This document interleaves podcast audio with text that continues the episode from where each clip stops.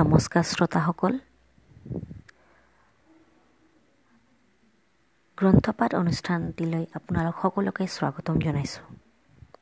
আজি আমি পাঠ কৰিব ওলাইছোঁ লেখিকা অনুৰাধা শৰ্মা পূজাৰীৰ জনপ্ৰিয় উপন্যাস কাঞ্চন। অফিচৰ মানুহবোৰ গৈ গৈ শেষ হৈছিল।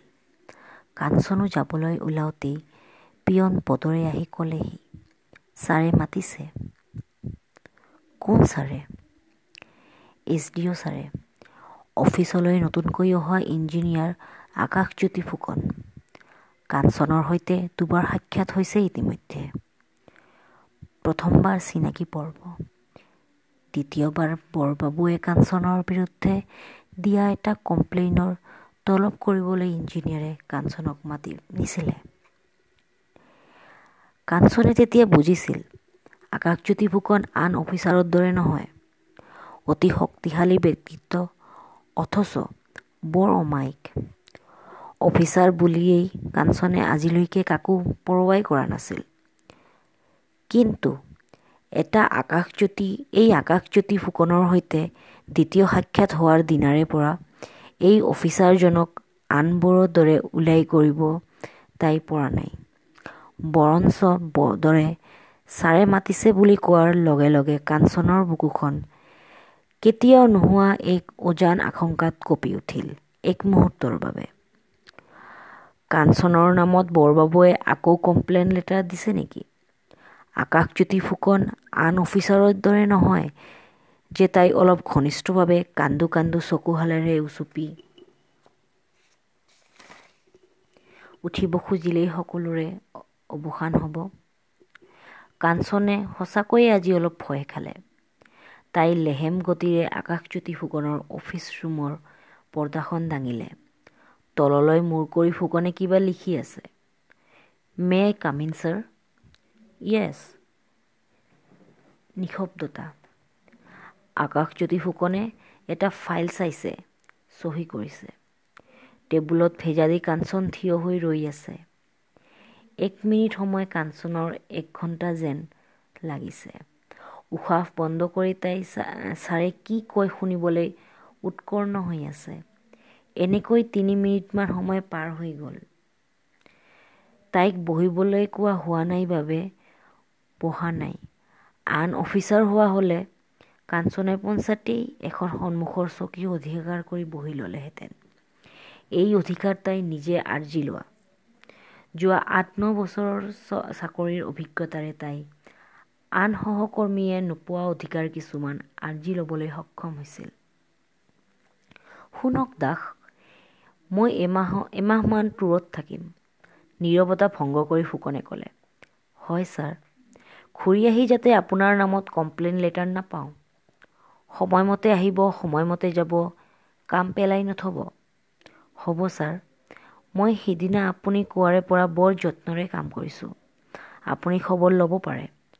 বাহ মই কোৱাৰে পৰা? ইমান বছৰে কোনো অফিচাৰেই আপোনাক একো কামৰ বিষয়ে কোৱা নাছিলে নেকি? কিছু মৌন মুহূৰ্ত পাৰ হৈ গ'ল। তললৈ মূৰ কৰিয়েই কাঞ্চন দাসে ক'লে নাই কোৱা ছাৰ। আচলতে আমি সৰু কৰ্মচাৰী। কিন্তু সৰু কৰ্মচাৰীক বেয়া কৰে ডাঙৰ অফিচাৰবোৰে। কথাষাৰ কোৱাৰ বাবে বেয়া নাপাব। মোৰ অফিচৰ টেবুলখনৰ যে কামৰ মৰ্যাদাও আছে সেই কথা প্ৰথম আপুনিয়েই ক'লে। লাহে লাহে সকলো গম পাব ছাৰ। প্ৰকৃততে কামত ফাঁকি দিয়া মানুহ মই নাছিলোঁ। মই স্কুলত বৰ মেধাৱী ছাত্ৰী আছিলোঁ। একেলগে কথাখিনি কৈ কাঞ্চনে মুখ তুলি আকাশজ্যোতি ফুকনলৈ চালে। ফুকনে ইমান পৰে বিমুগ্ধ দৃষ্টিৰে কাঞ্চনৰ সুন্দৰ মুখখনৰ পৰা নিগৰি হোৱা শব্দবোৰ মনোযোগেৰে শুনি আছিল। কাঞ্চনে যেতিয়া চকুত চকুত হৈ ক'লে আৰু কিবা ক'ব ছাৰ? ফুকন অপ্ৰস্তুত হৈ উঠিছিল। তেওঁ তৎক্ষণাত ক'লে নাই আপোনাৰ পোনপটীয়া কথাকেইটা মোৰ বৰ ভাল লাগিছে। মই নিজে কামক শ্ৰদ্ধা কৰা মানুহ। সেইবাবে কাম ভালদৰে কৰা মানুহক মই সকলোতকৈ ভাল পাওঁ। হ'ব বাৰু যাওক এতিয়া। ছাৰ সেইদিনাও আপোনাক মই মোক তুমি সম্বোধন কৰিবলৈ কৈছিলোঁ। আমাক অফিচাৰে তুমি সম্বোধন কৰে। আপুনি আন মানুহক সন্মান যাচে বাবে আপুনি সম্বোধন কৰে। কিন্তু আপোনাৰ আপুনি সম্বোধনত মই সহজ হ'ব পৰা নাই। পাছত সহজ হৈ যাব। নহয় ছাৰ অফিচত বহু ক্ষেত্ৰত সম্বোধনবোৰেও আপন কৰে। এক মুহূৰ্ত আকাশজ্যোতি ফুকনে কাঞ্চনৰ ফালে চাই থাকিল। কমলাবলীয়া পাতল শাৰীত সেউজীয়া লতা এডাল বগাই বাই কাঞ্চনৰ দেহৰ সৰ্বোচ্চ শিখৰত আহৰণ কৰিছে। কাঞ্চন কেৱল ধুনীয়াই নহয় এক শিশুসুলভ অথচ কাৰুণ্যৰ সৈতে মিহলি এটা ভাৱ তাইৰ অনিন্দ সুন্দৰ মুখখনত বিৰাজমান। যিকোনো পুৰুষে এবাৰ কাঞ্চনক দেখিলে দ্বিতীয়বাৰ নোচোৱাকৈ নোৱাৰে। কাঞ্চনলৈ চাই হঠাতে আকাশজ্যোতি ফুকনে কৈ পেলালে বাৰু তুমি বুলিয়েই ক'ম। কিন্তু এটা চৰ্তত। এক নম্বৰ ভাল কাম হ'ব লাগিব এক নম্বৰ সময়মতে আহিব লাগিব আৰু এক নম্বৰ কথা। কোনো বাৰে ভচহু কথা আপোনাৰ চৰি তোমাৰ নামত শুনিব নালাগিব। কাঞ্চনে খিলখিলিয়াই হাঁহি দিলে। আৰে সকলো দেখোন এক নম্বৰ কথা দুই তিনি নহয় নেকি? না নহয় সকলো এক নম্বৰ দুই তিনি নম্বৰলৈ নামিলেই গুৰুত্ব কমি যায় হাঁহি মাৰি ফুকনে ক'লে। ছাৰ আপোনাৰ দৰে অফিচাৰৰ বাবে জীৱন দি কাম কৰিবলৈও মই সাজু। অকস্মাতে কথাষাৰ কাঞ্চনৰ মুখৰ পৰা ওলাই আহিল। হ'ব যোৱা এতিয়া। ফুকনে এইবাৰ তলমূল কৰিলে। কাঞ্চনে কৃতজ্ঞ চাৱনীৰে যাব খোজোতেই ফুকনে পুনৰ ক'লে কাঞ্চন থিয় কৰাই থোৱা বাবে বেয়া নাপাবা। আৰু মই ঘূৰি অহাৰ পিছত তোমাৰ সৈতে দৰকাৰী কথা আছে কাঞ্চন ৰুমটোৰ পৰা ওলাই আহিল। তাইৰ দৰকাৰী কথা আছে বাক্যটোৱে মনত এঠা লাগি ধৰিলে। আন অফিচাৰৰ দৰকাৰী কথাবোৰ তাই ভালকৈ জানে। বিনা কামত দেৰিলৈকে অফিচত তাইক ৰখাই থোৱা সুযোগ বুজি তাইৰ দেহৰ সান্নিধ্য লোৱা একান্ত কামনাৰ তাৰণাত চুমা খোৱা তাইক ঘৰত নমাই থৈ যাবলৈ গাড়ীত নিওঁতে অবাধ্য নীলৰ্য পুৰুষৰ হাতকেইখনক অবাধ স্বাধীন হ'বলৈ এৰি দিয়াবোৰেই দৰকাৰী কাম। কাঞ্চনে আজিকালি শৰীৰকেন্দ্ৰিক এই বিভৎস তৃপ্তিবোৰ দেখি আমোদ নাপায়। গাত মাখি বা পোক পৰুৱা বগালে যেনে লাগে পুৰুষৰ স্পৰ্শও তাইৰ তেনে লাগে। কোনো অনুভূতি জাগ্ৰত নহয় মাজে মাজে ভাৱ হয়। তাইৰ শৰীৰটোৱে বোধহয় বেলেগ ধাতুৰে গঢ়া। তাত কোনো ইন্দ্ৰিয় নাই স্পন্দন নাই। অফিচত বাকী মহিলা পুৰুষ সহকৰ্মীবোৰে তাইক নানা তিৰস্কাৰ কৰে। তাইক সমগ্ৰ কৰ্মচাৰীৰ কলংক বুলি প্ৰকাশ্যে নিন্দাও কৰে। কিন্তু আচৰিত কথা এইবোৰে তাইক বিচলিত নকৰে। তাই লাজ নাপায় অপমান নাপায় আনকি খঙো নুঠে।